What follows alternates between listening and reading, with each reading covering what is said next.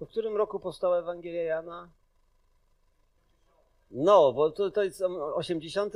naszej ery, tak? Tak. To ile to jest lat po, y, po śmierci Jezusa Chrystusa? No.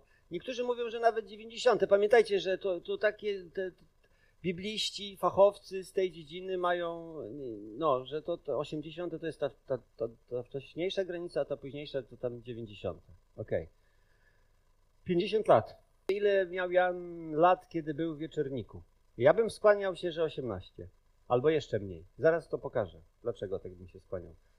Przypuśćmy, że mam 13 lat. Jestem ledwo co takim rozwijającym się. Z dzieciństwa przechodzę, z dzieciństwa przechodzę w dorosłość, tak?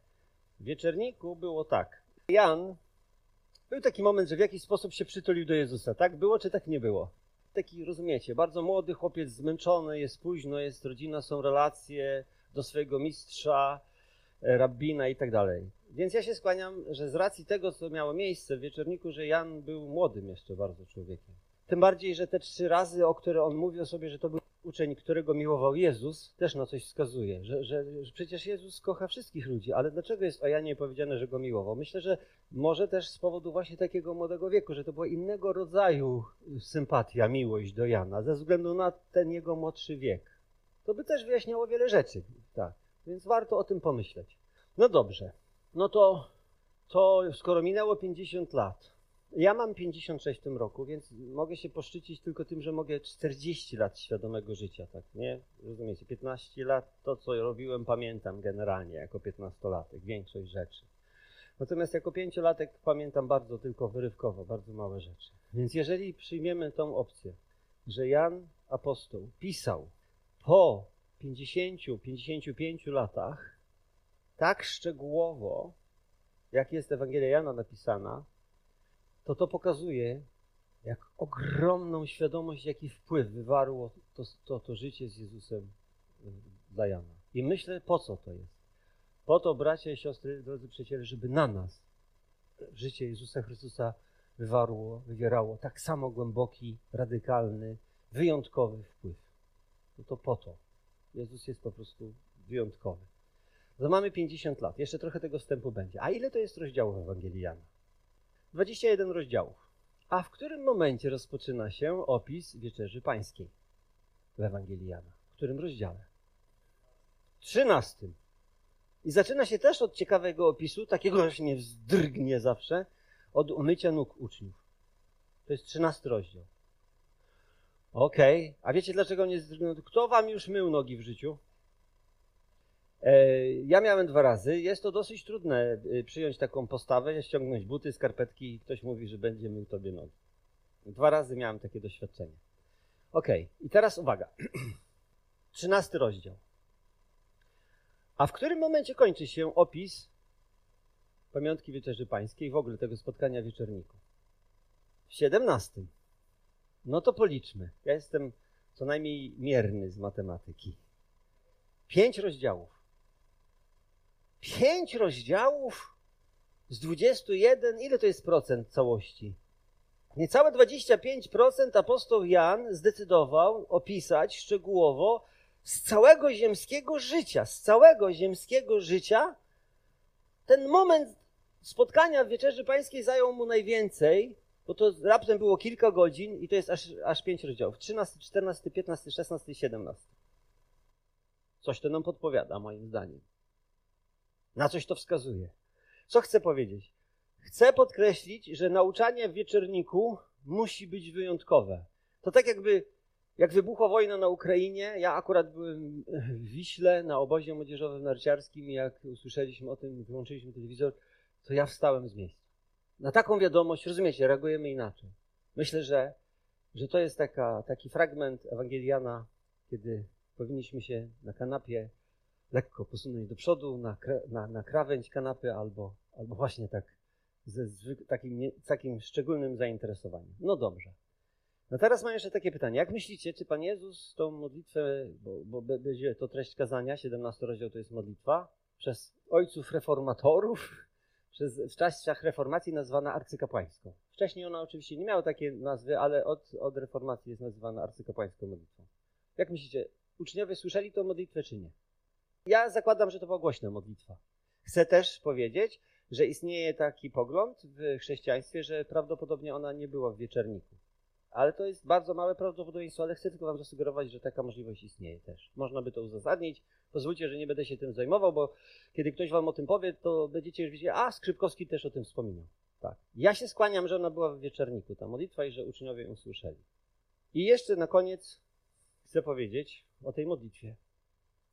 Gdyby się okazało, że masz taką świadomość, że jutro umrzesz, i masz ostatnie chwile, nie wiem, to pomyślcie proszę ci, co by wiedzieli, że nigdy ich już na ziemi nie zobaczycie.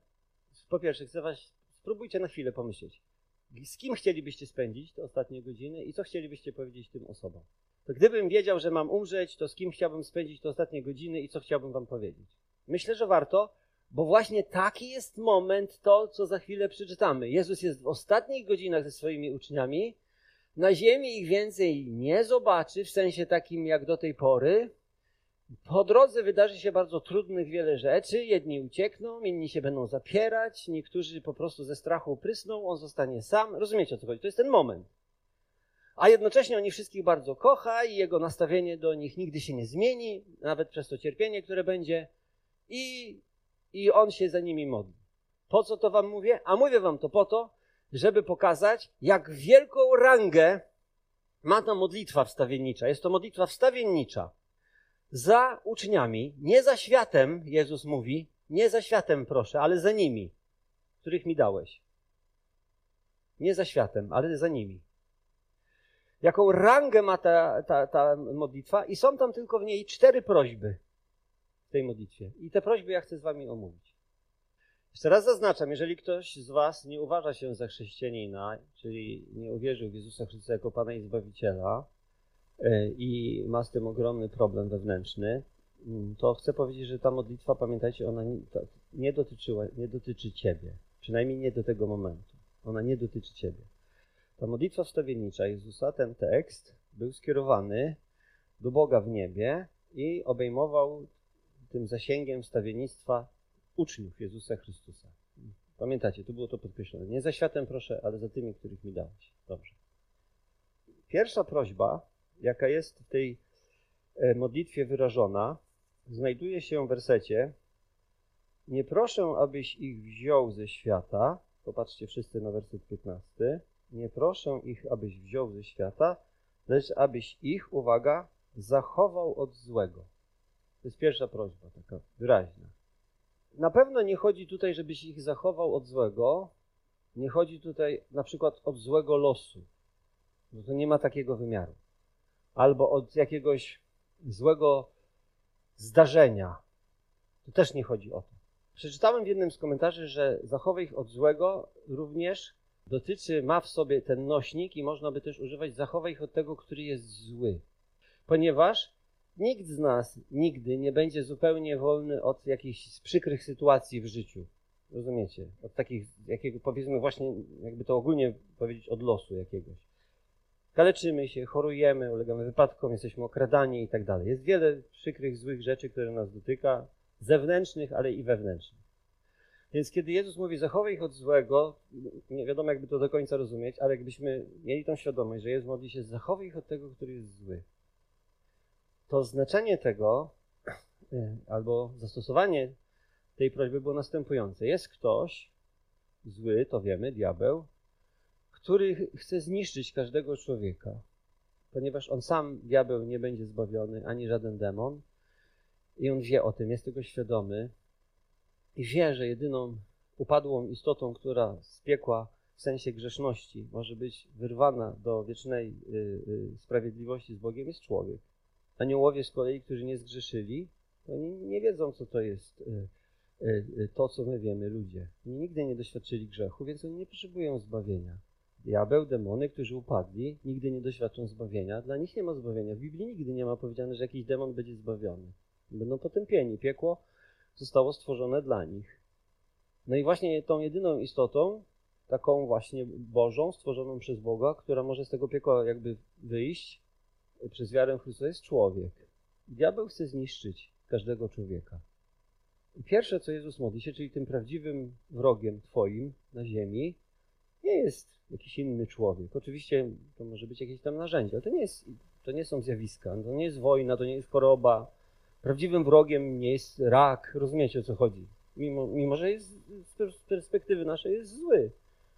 Musimy być tego świadomi. Proszę was, żebyście zrozumieli. Prawdziwym wrogiem jest diabeł dla człowieka, który chce człowieka przeprowadzić przez życie w takim zaślepieniu. To mogą być różne rzeczy, wiecie o tym, jakimś takim ateizmie, jakimś innym zafascynowaniu, w innej religii. Po prostu odciągnąć ciebie od Chrystusa. To, to, to robi diabeł. I to jest najgorsze, co może człowieka w życiu spotkać. I ludzie żyją w takiej nieświadomości na całej planecie, w wielu pokoleniach, w wielu kulturach. I w moim przekonaniu, tam, gdzie nie ma Boga, nie ma wpływu Chrystusa, jest to oczywiście e, diabelska robota. I teraz zobaczcie, jak bardzo to musi być ważne, skoro w pierwszej prośbie, w ostatnich godzinach życia Pana Jezusa, w takim testamencie, jaki Jezus chce zostawić tym uczniom, On modli się, Panie, Ojcze, proszę Ciebie, zachowaj ich od tego, który jest zły. Nie pozwól, żeby ten zły ich pochłonął. Nie daj, nie dopuść, żeby diabeł miał nad nimi pełną władzę, kontrolę. Nie dopuść do tego. I teraz ja mam takie pytanie. Jeżeli to jest prawda, a wierzę, że to jest prawda, że głoszę wam prawdę, to zobaczcie, że nie żyjesz jako chrześcijanin na ziemi sam. Nie jesteś zdany, zdana na swoje tylko umiejętności, siły, intelekt, spryt do tego, żeby jakoś życie przeżyć przed Bogiem. Z czego to wynika? Czy, czy ta modlitwa Jezusa była wysłuchana? Czy, czy Ojciec w niebie wysłuchał tę modlitwę Jego, czy nie? Musimy zadać sobie takie pytanie. A, a odpowiedź jest w Piśmie Świętym, bo Pan Jezus mówi w innym miejscu: Ja wiem, że Ty zawsze mnie wysłuchujesz. Pamiętacie, modlitwy Jezusa, one nigdy nie były podyktowane tym, co my jesteśmy, mamy jakiś osobisty interes, potrzeby, wiecie o co chodzi. Nigdy Jezus nie modlił się egoistycznie. Wszystkie Jego modlitwy są zawsze wysłuchane przed Ojcem i one są ważne. I teraz to mi pomaga. Ta modlitwa Pana Jezusa pozwala mi poznać Boga, Jego serce, jaki On jest, bo oprócz tego, co ja tu robię na ziemi, jest właśnie On jeszcze, który ochrania mnie, ochrania mnie przed diabłem, przed jego wpływem, przed jego władzą, przed jego mocą i mogę być ochroniony właśnie, bezpieczny, jako wierzący człowiek, w ręku, w opiece Bożej i tak dalej. Można by tu wiele rzeczy powiedzieć przez prowadzenie Ducha Świętego. Więc, bracia, siostry, pierwsza rzecz, jaką poznajemy serce Ojca w niebie jest to, że On ochrania Ciebie, sam osobiście troszczy się, żeby diabeł nie pochłonął Ciebie do piekła, żeby On nie miał takiej pełnej władzy nad Tobą. I Pan Jezus o to modli się w ostatnich godzinach e, swojego pobytu z uczniami. Zachowaj ich od tego, który jest zły. To jest pierwsza prośba. Teraz druga prośba. Mi to bardzo pomogło pokochać Boga, kiedy to zrozumiałem. Potem, potem mm, kiedy przygotowałem to kazanie, to już oczywiście parę lat, w paru zborach ja już głosiłem, ale bardzo mi to pomogło zrozumieć, kim ja jestem w Bogu i co mam dzisiaj, jak tu przed wami stoję jako chrześcijanin. O wiele lepiej rozumiem to, kim jestem dzisiaj. Po tej modlitwie, po przestudiowaniu tej, tej, tej modlitwy, tego słowa. Druga prośba jest w wersecie 17. To jest ciekawa prośba. Co to znaczy tu poświęć? To jest ilustracja to, co ja chcę pokazać. Pieniądze to tylko taki umowny środek płatniczy, tak? Jakikolwiek by było. Ale kiedy je włożysz dzisiaj tutaj, do tego pojemnika, to ty je poświęcasz nie w sensie, że one są święte, ale w sensie dedykacji, przeznaczone. Poświęcasz je na służbę waszego kościoła, twoje pieniądze. I w tym znaczeniu one są przeznaczone. I właśnie Pan Jezus mówi: przeznacz ich do Twojego słowa, bo Twoje słowo jest prawdą. Poświęć ich, dedykuj ich, oddziel ich, albo rozumiecie, skieruj ich na Twoje słowo. I zobaczcie, że tylko chrześcijanie troszczą się o Boże Słowo w taki sposób, y, y, żeby Biblia, cała, Stary Nowy Testament był wyjaśniony. I, i ja bym o, o tym mógł powiedzieć bardzo wiele rzeczy, ale powiem mm, z doświadczenia znowu o dwóch rzeczach. Ci, co macie dzieci, a jak byście nauczyli Y, jak byście uczyli swoje własne dzieci, żeby one trwały w Słowie Bożym? To znaczy, żeby czytały Pismo Święte, żeby interesowały się Pismem Świętym, nie dlatego, że idą na nabożeństwo. Większość ludzi dzisiaj nawet już Biblii nie przynosi na nabożeństwa, czyli Bożego Słowa. Oczywiście zaraz powiecie mi, że ja wiem, że to jest praktycznie, że mamy inne nośniki, ale tutaj chcę powiedzieć rodzicom, w naszym zborze w hełmie widzę, po prostu ja płaczę, rozrywa to mnie, kiedy widzę, jak młodzież w czasie nabożeństwa wchodzi w internet. Mają tak wielką pokusę, że mają te iPhony, rozumiecie o co chodzi. I jak jest tak trochę więcej ludzi, jest balkon gdzieś tam, coś tego, to Także, no, także ja jestem zwolennikiem, żeby jednak używać jeszcze wersję papierową z wielu powodów. Ale uwaga, jak nauczyliście, yy, żeby wasze dzieci pokochały Boże Słowo? Ja opowiadam taką historię z Koszalina. Jak byliśmy w Koszalinie, służyliśmy tam w zborze baptystów 5 lat, nasze dzieci były nastolatkami. Wpadłem na taki pomysł od dzieci, że płacę za przeczytany rozdział Pisma Świętego. Gotówka. No, po tygodniu, a miałem pięcioro takich, bo u nas było, ci co nie znacie nas, co rok to prorok nam się rodził. W Wródce jest dużo, dużo gniazd jest, bociany przylatują, tam jest dwadzieścia kilka gniazd. U nas na wiosnę bociany przyleciały, a Bogusia Skrzypkowska wyprowadza wózek. No i co mieliśmy zrobić? Razy pięć. po pięć lat. No. no. i te dzieci tak urosły. No to płacę tam po te 50 groszy. No, ile przeczytałeś rodzica? A, 10. Okej. Okay. W tygodniu 10 rozdziałów. No i rozliczanie. Dzisiaj dzieci mówią, że nie zawsze byłem uczciwy w tym rozliczaniu. Ja nie pamiętam, żeby był nieucz, nieuczciwy. Jonasz tak mówi, że byłem nieuczciwy, że, że źle jakoś liczyłem. No, okej, okay, ale to zostawmy. Ale co ja chcę powiedzieć? W pewnym momencie Samuel poszedł, no, poszedł chyba już do liceum i przychodzi pewnego razu i mówi tak. Tato, ja już nie chcę pieniędzy za czytanie Pisma Świętego. Ja nie wiem, czy to była dobra metoda w naszym przypadku. I proszę, weźcie na mnie poprawkę mm, jako ojciec, bo, bo ja bym nie chciał się chwalić. Ale sześcioro dzieci naszych dorosłych jest, to są wierzący ludzie w służbie. I jedna córka powierzona, Kinga, przyjęła też chrzest. Nasz Filip Skrzypkowski został ochrzczony miesiąc temu. Pisze maturę teraz. W zasadzie już napisał, teraz będą ustne. Siedmioro, siedmioro dzieci. Tak? Ja, ja nie wiem, czy to dobrze, czy to co myśmy zrobili. Rozumiecie, o co chodzi? To jest jakiś obraz, jakaś. To jest też łaska Boża. Poczytuję sobie to jako łaskę Bożą. Ale widzę w nich miłość do słowa. Odwiedziłem tydzień temu, byłem w zborze baptystów, jednym zborze tak na, na czwartej strefie w Londynie, tam e, na północy Londynu, w takim zborze baptystów i oni tam, pastor mówi, o, za tydzień będzie koronacja i tak dalej, w brytyjskim zborze. A on mówi, ale my mamy jednego króla, już go dawno ukoronowaliśmy, to nabożeństwo odbędzie się o tej samej godzinie. To ja mówię, amen. No, oni, oni tak mówili na tego króla. I czemu o tym opowiadam? Odwiedziłem mojego syna, Kaleba. A on mówi, tato, jak mnie ręka boli.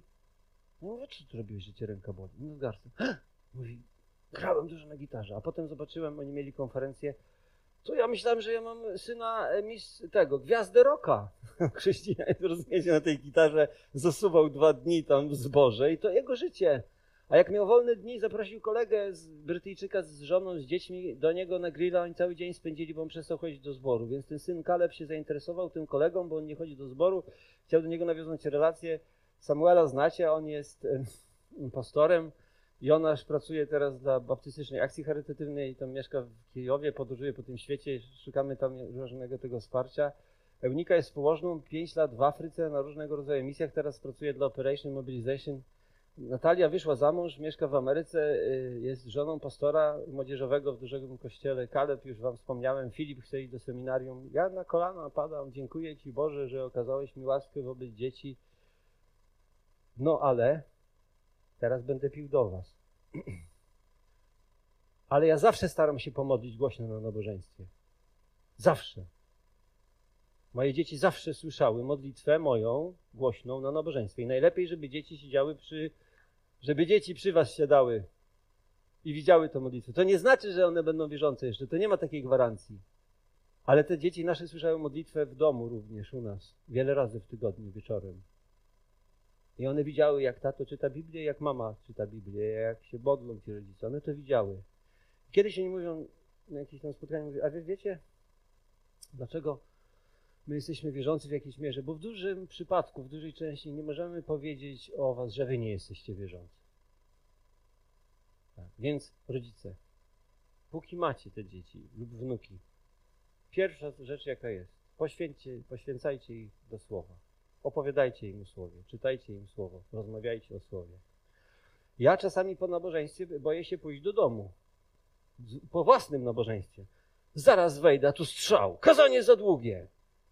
To ten przykład nie był dobry, a to teologicznie się nie zgadza. A tutaj to nie jest tam, a to nie to tak. I ja sobie myślę, Panie Boże, no, już nie bij mnie tak mocno.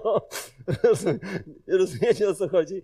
No ale summa summarum, no to chyba lepiej, że rozmawiamy w domu po tym nabożeństwie o tym słowie, nawet jeżeli tam były jakieś braki niewłaściwe, niż oglądamy i siedzimy w iPhone'ach i tam każdy siedzi w TikToku albo nie powiem gdzie. Poświęć ich w słowie. Twoje słowo jest prawdą. Oddziel ich od tego świata, dla tego słowa. I to jest nasza rola rodziców, dziadków, nie wiem kogo, żeby zaszczepiać miłość do słowa. Jak bardzo to musi być ważne, skoro Jezus w ostatnich godzinach modli się uczniów, poświęć ich w tym słowie, czyli w sensie dedykuj, oddziel ich, przeznacz ich do tego słowa. W pracy czasami trzeba się podzielić. Już nie będę wam mówił, że się modliłem i w biurze pani prezydent, pana prezydenta, takiego, siakiego, owego i tak dalej. Staram się, aby to słowo funkcjonowało w naszym codziennym życiu.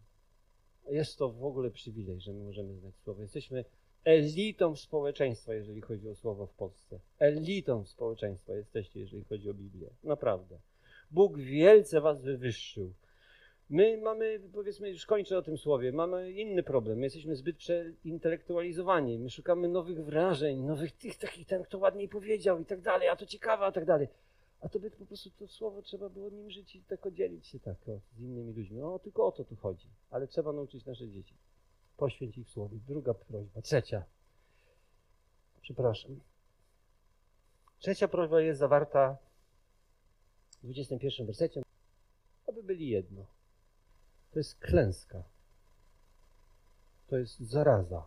To, jak szczególnie ewangelikalni chrześcijanie potrafimy się kłócić i dzielić. Jest to straszne. Po prostu karygodne.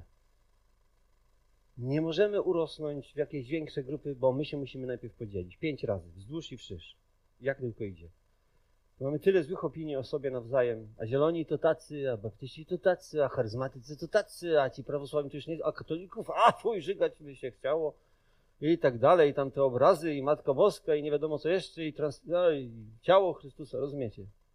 Więc nie myślcie, że ja jestem takim uniwersalistą, że ja powiem taki, wiecie, że wszyscy mają rację. Oczywiście, że nie. Ale ja już od dłuższego czasu nie opowiadam kawałów o innych wyznaniach. Bo one żyją. Głupoty w nas żyją. Pamiętam je. A dobre rzeczy to trudno jakoś wykształtować we mnie na, na twardo. Tak mocno, żeby one funkcjonowały. Te dobre rzeczy. Więc, aby byli jedno. Myślę, że starsi zboru większość życia w służbie, jeżeli chodzi o Kościół, trzeba poświęcić y, takie, wiecie, zaangażowanie się prawdziwym, żebyście żyli w zgodzie ze sobą, żebyście sobie mogli nawzajem popatrzeć w oczy i innym ludziom. Że jak pójdziecie tutaj, że chętnie obok, chętnie obok siebie usiądziecie, porozmawiacie w takiej wolności, że nie będzie tych zranień, obciążeń, opinii złych i tak dalej ja już jestem tym człowiekiem, który pamięta jeszcze te, to pokolenie ojców naszej wiary. Mam na myśli tutaj pastora Tadeusza Kalisza, bo to takie moje pierwsze doświadczenie, jak po nawróceniu ja zamieszkałem w Gdańsku. No w Gdańsku oczywiście teraz niedawno zmarł Żółtko Jan, jeden z takich właśnie tych, których ja znałem ludzi tam. Ja się nawróciłem w Gdańsku z Boże. No ale potem szybko się przeflancowałem tutaj na wschód Polski, tam na wieś do Rudki i potem do Chełma. To oni wszyscy borykali się z tym samym, co my, ja widzę. Znaczy borykali się z tym, że byli ze sobą y, skłóceni, y, chociaż na nabożeństwa przychodzili, ale sporą grupą ludzi mieli zawsze do siebie pretensje, że ten pastor niedobry, a nie kazania takie jakiegoś, a to nie tak tam i tak dalej. I zawsze coś, i zawsze coś, i zawsze coś. Słuchajcie, wystrzegajcie się takich opinii, proszę. Wystrzegajcie się takich opinii. Nawet jeżeli to jest prawda, to trzeba rozerwać jakoś inaczej. Walczcie o te małżeństwa dzisiaj, że Zobaczcie, co to się dzieje, jaki diabeł harcuje między nami, jak te małżeństwa się rozpadają, bo też nie ma tej jedności z jakiegoś tam powodu. I nie będę o tym wymieniał. Tej, tej brak jedności występuje nie tylko między wyznaniami, nie tylko w, w, w wspólnotach lokalnych, w małżeństwach, w rodzinach i tak dalej. Już nie mówię o polityce i tak dalej. Rozumiecie, wszędzie są głębokie, głębokie podziały. I w kościele myślę, że największą rolą starszych jest dbać o, o jedność, taką jedność duchową, zgodę, że to aby byli jedno, ale zobaczcie, bo ta prośba e, o aby byli jedno, to ona jest, y, ona tu jest wypuklona, e, że ona nie tylko, e, że, że ona jest o tyle ważna, że po co ma być ta jedność? Zobaczcie, popatrzcie tam na ten wers. Po co ma być ta jedność w Kościele? Aby świat poznał. że Ty mnie posłałeś. Czyli to nie jest tylko dla, na, dla, naszej, dla naszego rozumienia takiego życia duchowego ta jedność jest potrzebna, ale jest potrzebna także, żeby inni ludzie mogli chcieć przyjść tutaj. Że coś jest wyjątkowego, że ta wspólnota drugiego zboru Kościoła Baptystów jest inna niż ja znam ludzi. Tam trzeba być. To jest między innymi to, że jedność, taka zgoda, e, e, to poczucie wspólnoty, że jesteśmy w ciele Jezusa Chrystusa ma ogromny wpływ też na ewangelizację. Z tego tak wynika, aby świat poznał. To, to, że oczywiście bez Ewangelii nikt nie, nie uwierzy, tak, tak myślę i tak wierzę, ale, ale ta jedność jest, powinna być zachowana. Walczcie, krótko mówiąc, o jedność. Jest to trudne. Ja też się obrażam. Jestem egoistą. Czasami czuję się urażony. Czasami nie chcę się z kimś rozmawiać. Zwierzących. Naprawdę. Zostałem niedawno napomniany. Trudno jest czasami napominać kogoś, bo to mowa bądźcie w cierpliwości. Uważajcie na siebie, żebyście sami nie upadli, ale uważajcie również, żebyście kogoś nie dobili. Taki był film kiedyś Janosi, tam był taki margrabia. Mówi dobić? Nie, mówi do, dołożyć, ale nie dobijać. tak. Także trzeba czasami nam dołożyć, ale nie dobijać. Więc jedność, walczcie o jedność. Dziewczyny, dbajcie, młodzież, o jedność z rodzicami. Ja, to tak nie takie łatwe. Ja się z tatą pokłóciłem i 20 lat nie rozmawialiśmy. Bo nawet ponad. A potem trudno było to odbudować. Dopiero tak naprawdę dzień przed jego śmiercią. Jakoś on się odkrył, ja mogłem się o niego pomodlić. Trzeba dbać. A wiem, że w rodzinach rodzice z dziećmi to nie jest łatwa sprawa. Ja mam dzieci i tak dalej, żeby utrzymać jedność. Jest bardzo trudno. Zawsze musimy się wyginać. To, to zawsze kosztuje i tak dalej. Ale trzeba. Trzeba walczyć o jedność. Ma wpływ na następne pokolenia, ma wpływ na innych Potem, jak jest jedność, wiecie, wszyscy chcą do zboru przyjść, do domu chcą przyjechać, tam gdzie jest zgoda, gdzie jest jakaś, wiecie, poczucie takiej, takiej, takiego dobrego klimatu, wszyscy tam chcą być. A wszyscy, nikt nie chce iść tam, gdzie jest kicha i tak dalej, gdzie się kłócą ludzie, gdzie jest jakiś podział, rozdwojenie, rozwody, rozumiecie, to, to nie chcę. Walczcie o jedność. Pani, musi, to jest naprawdę ważna rzecz. Podsumujmy. Trzy prośby ziemskie o Kościół w ostatnich godzinach pobytu Jezusa z uczniami. Pierwsza prośba. Zachowaj ich od tego, kto jest zły. Druga prośba. Poświęć ich prawdzie, czyli do Słowa Boże. Trzecia prośba. Aby byli jedni. Tak, na, na różnych płaszczyznach to jedno. Pamiętacie, między wyznaniami, w zborze i tak dalej. I ostatnia prośba nie dotyczy ziemskiej rzeczywistości. Ostatnia prośba, czwarta, dotyczy przyszłości. I ona jest zapisana w wersecie 20, tak, tak, czwartym. No ja o tym nie będę opowiadał, ale mogę wam to zilustrować niestety znowu na swoim przykładzie. Jestem taki samolubny, że aż strach. Jakiś czas temu, zupełnie nie wiem jak to się stało, razem z żoną zostaliśmy y, skierowani do odznaczenia Złotym Krzyżem Zasługi za rodzinę. Za, bo moja rodzina jest totalnie patologiczna. Naprawdę. Bo i downy u nas są, i wielodzietność jest, i, i dzieci mam z sześciu matek. Ja się czuję jak Jakub. Starotestamentowy. Wiecie, jak ja teraz czytam życie Jakubie, to ja zupełnie inaczej patrzę na to, jak oni się kusili. Ja wiem, co to znaczy teraz, jak mam 16 dzieci i 6 matek, oni są urodzeni sześciu matek, nie? I też zaznaczę, że różni ojcowie, tak żeby, żeby nie było wątpliwości. Okej. Okay. No, ale zostaliśmy tam zaproszeni. Po pierwsze, wysłali po nas samochód. Ale trzeba był duży samochód, takiego busa. No ale wysłali, nie musiałem za to płacić. Pod dom. Ładnie się ubraliśmy. I zostaliśmy przewiezieni tutaj do, na, na. I inne rodziny. No fajnie. Posadzili nas w pierwszym miejscu. Na pierwszy, zawsze jak tam idę, to tam z tyłu siedzę i przy innych okazjach, a wtedy pierwszy siedziałem. tak, i wszystko przygotowane, jest lekko napięcie i tak dalej. No i w pewnym momencie, proszę Państwa, proszę wstać, wchodzi prezydent Rzeczypospolitej Polskiej z małżonką. Ciach, wchodzą. No i on tam krótko przemawiał i w jakimś tam momencie wyczytał Henryk i Bogumiła Skrzypkowscy. Nie, i wszystkie te, wiecie, wtedy te kamery, cyk, cyk, cyk, aparaty i tak dalej. No i teraz tak, po co ja wam o tym opowiadam? Cokolwiek byśmy o tym powiedzieli, dla mnie to była jakaś chluba. Rozumiecie? Chluba, po prostu. Nie na co dzień tak się zdarza. Potem jeszcze było dobre jedzenie, mogłem sobie z nim pogadać, sweet focie zrobić na fejsa i tak dalej. Wszystko było. Wszystko było. I teraz teraz, posłuchajcie. Jest ten moment wyczytania, nie? A teraz proszę, aby byli ze mną tam, gdzie ja jestem. Księga Objawienia. I zostały księgi otwarte. Archanioł, na głos Archanioła i trąby Bożej. Czy wiecie, co to będzie za chwała, jak tam będziesz wyczytany, wyczytany Ty? I wejdziesz do Króla Królów, na Jego zaproszenie, do Jego chwały, na wieki wieków. Bo Jezus modli się o to, żebyś tam był z Nim. Tam, gdzie On i miał taką chwałę, jak On ma. To dopiero będzie dostojeństwo. Dopiero wtedy będzie nagroda za nasze ziemskie życie. Dopiero wtedy będziesz doceniony prawdziwie i wyróżniony. Ale póki jeszcze nie jesteśmy, proszę, nie straćcie z oczu tego, że ta chwała nadejdzie. Bądźcie wierni, służcie Bogu, Chrystusowi, tak jak was powołał. I kończąc już zupełnie to kazanie. Co, jeżeli nie jesteś chrześcijaninem? Żadna z tych rzeczy ciebie nie dotyczy, ani nie spotka. Nigdy. To jest tylko i wyłącznie dla tych, którzy uczynili Chrystusa swoim Panem i Zbawicielem. Trzeba o tym powiedzieć. I wierzę, że to jest łaska Boża, że Bóg nam daje taką świadomość, że my to możemy rozumieć. I pomyślcie, jak bardzo Bóg Ciebie kocha. Chrystus. I teraz następuje ten moment. Ile razy jest napisane w tym tekście zużyty zwrot tych, których mi dałeś? Ja naliczyłem sześć, ale niech będzie pięć. To no tak, sześć razy.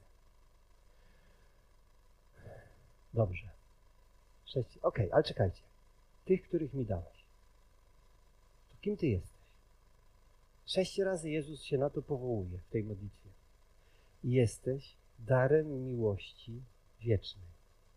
Ojca dla Syna. Na Jego wieczną chwałę. Ty, wierzący człowiek. Z tej modlitwy to wynika, że jesteś wyjątkowa, wyjątkowy. Bo Bóg oddał Ciebie jako dar miłości dla Syna na Jego chwałę, dla Króla Królów. Nie jesteś tylko kimś. I kiedy ja to zrozumiałem, i teraz jak myślicie, czy kiedykolwiek Jezus porzuci, no znowu mam przykład, ale już nie będę dzisiaj go opowiadał, rodzinny, jak napisałem list do mojej żony, dar miłości, i ona go dzisiaj przechowuje, mimo że to minęło 45 lat. Właśnie. nie poszedł. tak. Ale nigdy Jezus Ciebie nie porzuci i nie opuści. Ze względu na to, kim Ty jesteś, bo jesteś darem miłości od Ojca dla Syna. Darem pierwszej miłości, takiej wyjątkowej.